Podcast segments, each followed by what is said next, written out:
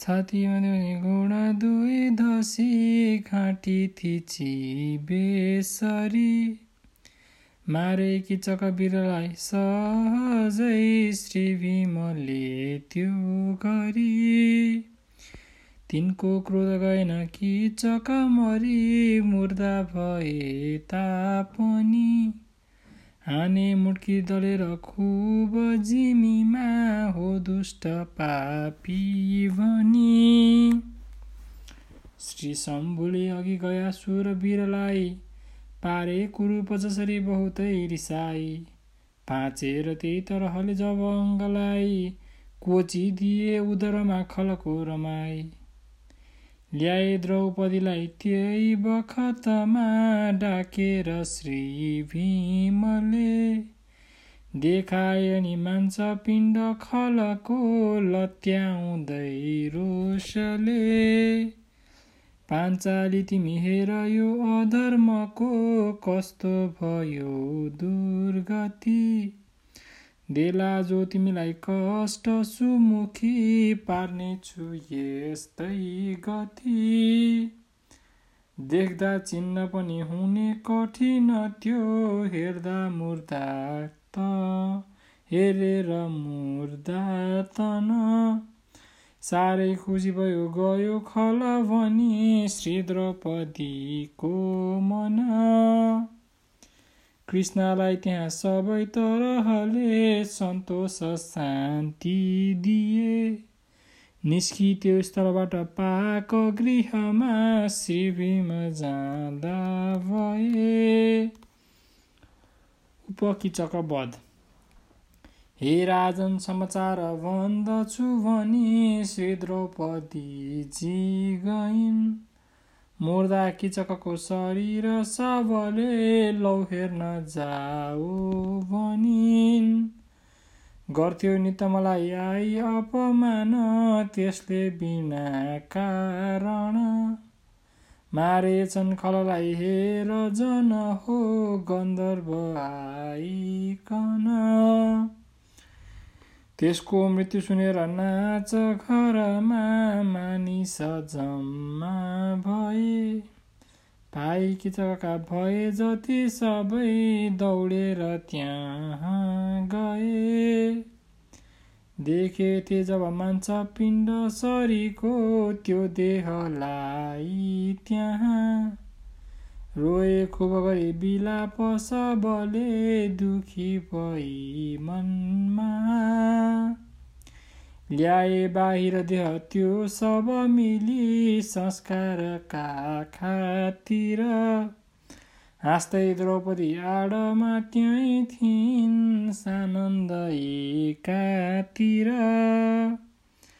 लागे भन्न सबै मिलेर यही हो यो मृत्युको कारणी यसलाई लगे पोल्नु पर्दछ सँगै जान्छे सती यो पनि। दाजुको हित गर्नु हामीहरूको कर्तव्य हो लौ भनी। आज्ञा माग्न विराटका हजुरमा पहुँचे ती दुखी बनी। राजालाई भने रुँदै सकलले त्यो मृत्युको कारण। मन्त्रीको सुनि मृत्यु दुखित भए सम्झेर उसको गुण। गर्नेछन् उपकिचकादीहरूले यो राज्यको रक्षण। यिनको चित्त बुझाउनु उचित हो भन्ने विचारिकन आफ्नो धर्म र पापको कुशलको चिन्ता नमानिकन बोले भूपोमा लगेर पोल्नुसँगमा त्यो दुष्ट दासीकन आज्ञा भूपतिको सुनि खलहरू झन् बेगले तम्सिए मुर्दाकासँग द्रौपदी कन लगी तत्काम बाँधिदिए। राखेको अघि गुप्त नाम सबको सम्झेर सोही घरी। लागिन गर्न पुकार द्रौपदी रुँदै चिच्याउँदै बेसरी। हे स्वामी जय हे जयन्त जय सेन आएर रक्षा गर आँटे मार्न मलाई दुष्टहरूले केही नमानी डर। कृष्णको सुनि शब्द भीम सहसा के हो भनी आत्तिए। अर्को रूप बनाइ नागी सहजै पर्खालती निस्किए। त्यहाँबाट मसानको पथ धरी वायु गतिले गए। बाँधेका खले सतिकन त्यहाँ प्रत्यक्ष देख्दा भए। बोले भीमकराई उच्च स्वरले आइपुगे सुन्दरी। रक्षा गर्छु नमान केही मनमा पिति तिमी यो घरी। यति बात पनि उखेली रुख नै बोकिलिए काँधमा। मार्छु दुष्टहरू भनेर उभिए क्रोधित भई सामुमा। देखे श्री राजा शरीरका श्री भीमलाई जब लागे गर्न म त गरौँ अब कसो भन्दै ती पापी सब? हामीलाई अवश्य मार्न भनियो गन्धर्व आयो अब। सौरैन सैरन्द्रिकन छाड्नु पर्दछ भनी बन्धन फुकाए तब। पाञ्चालिकन छोडी छट्ट डरले भाग्नु पर्यो लौ भनी। लागे भाग्न बचाई प्राण पुरको बाटोको बाटो पनि। देखे ते जब भीमले खलहरू भागिरहेका त्यहाँ। मारे ती सबलाई पक्री रुखले क्रोधित भई मनमा। एक सयमा बढी पाँच किचक थिए सारा त्यही मारिए। तिनको मृत्यु भई बिको दर पनि केही शान्त झैँ देखिए। देखे द्रौपदीलाई दुखित तथा रोहिरहेकी त्यहाँ। लागे भन्न पुगेर भीम सहसा तिनको अगाडिमा। तिम्रा शत्रु सबै मरेपछि वृता रोहिरहेकी किन? हे प्यारी तिमी जाऊ लौ महलमा सानन्द फर्किकन। जो गर्ला अपमान केही सुमुखी तिम्रो दुखाई मन। मार्ने यही चालले जसरी सारा मरे दुर्जन।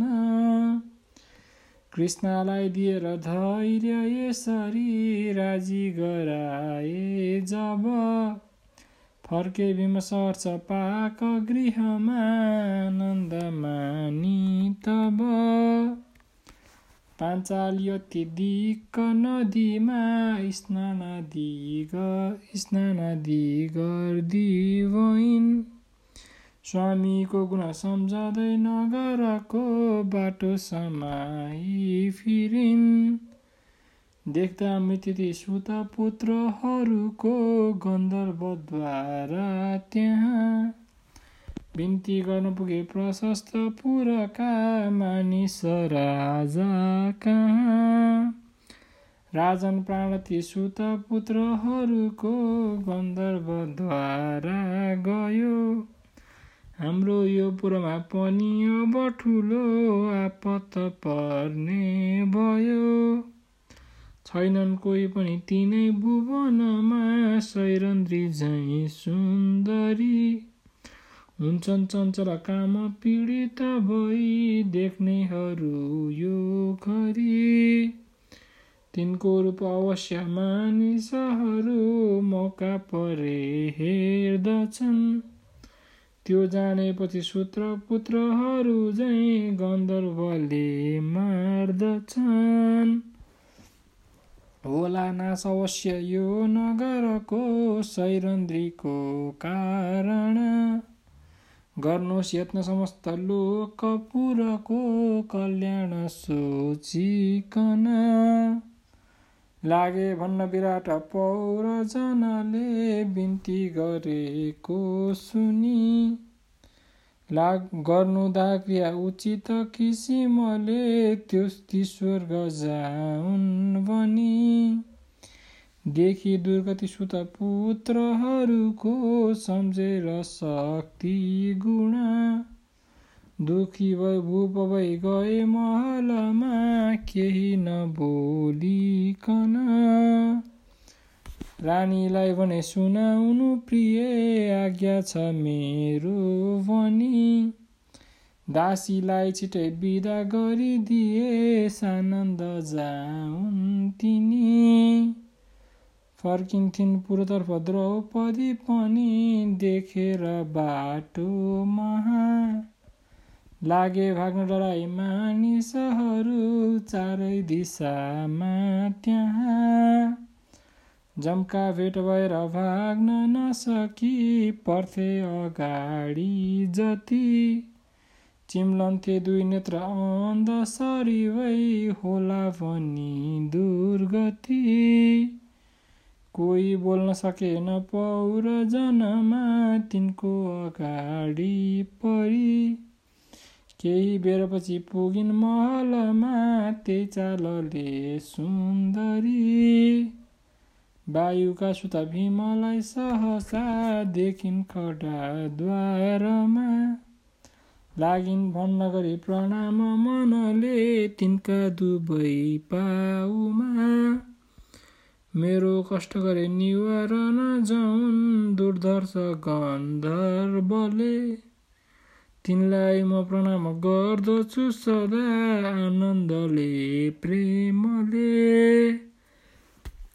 यति बात भनेर नाच घरको पुग्दी भइन् लागिन् भन्नु गरी प्रणाम मनले तिनका दुवै पाउमा। मेरो कष्ट गरे निवारण जाउन् दुर्दर्श गन्धर्वले।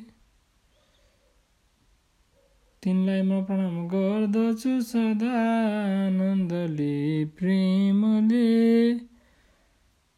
यति बात भनेर नाच घरको पुग्दी भइन्द्वारमा सोधे द्रौपदीलाई देखि सहसा श्री पार्थले सामुमा। सैरन्द्री मुक्त के गरी भयो पापी मरे के गरी को आयो त गर्न वीर बन त्यो सुन्छु महे सुन्दरी यस्तो अर्जुनको कुरा सुनिसकी देख्दा मानिकन बोलिन् द्रौपदी त्यो कुरा किन वृथा सोधिरहेछौ भन।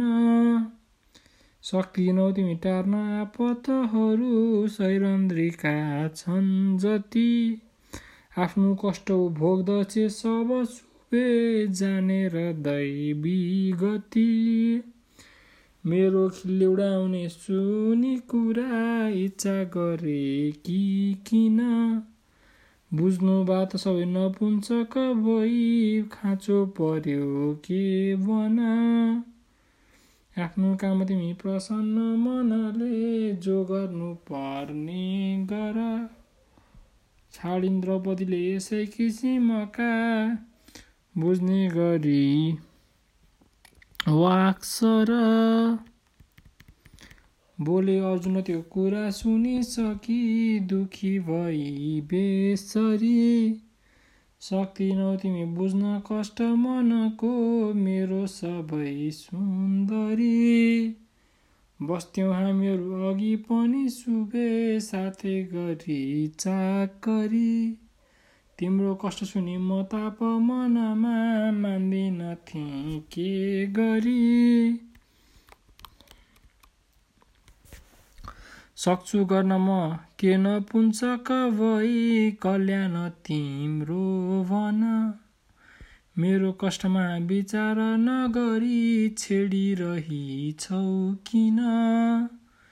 यस्ता अर्जुनका कुरा सुनिसकी खुसी भई मनमा। त्यहाँबाट हिँडेर द्रौपदी पुगिन् रानी सुदेशना कहाँ रानीले तिनीलाई देखि नगी चाहिँ भन्दी भइन् सुन्दरी।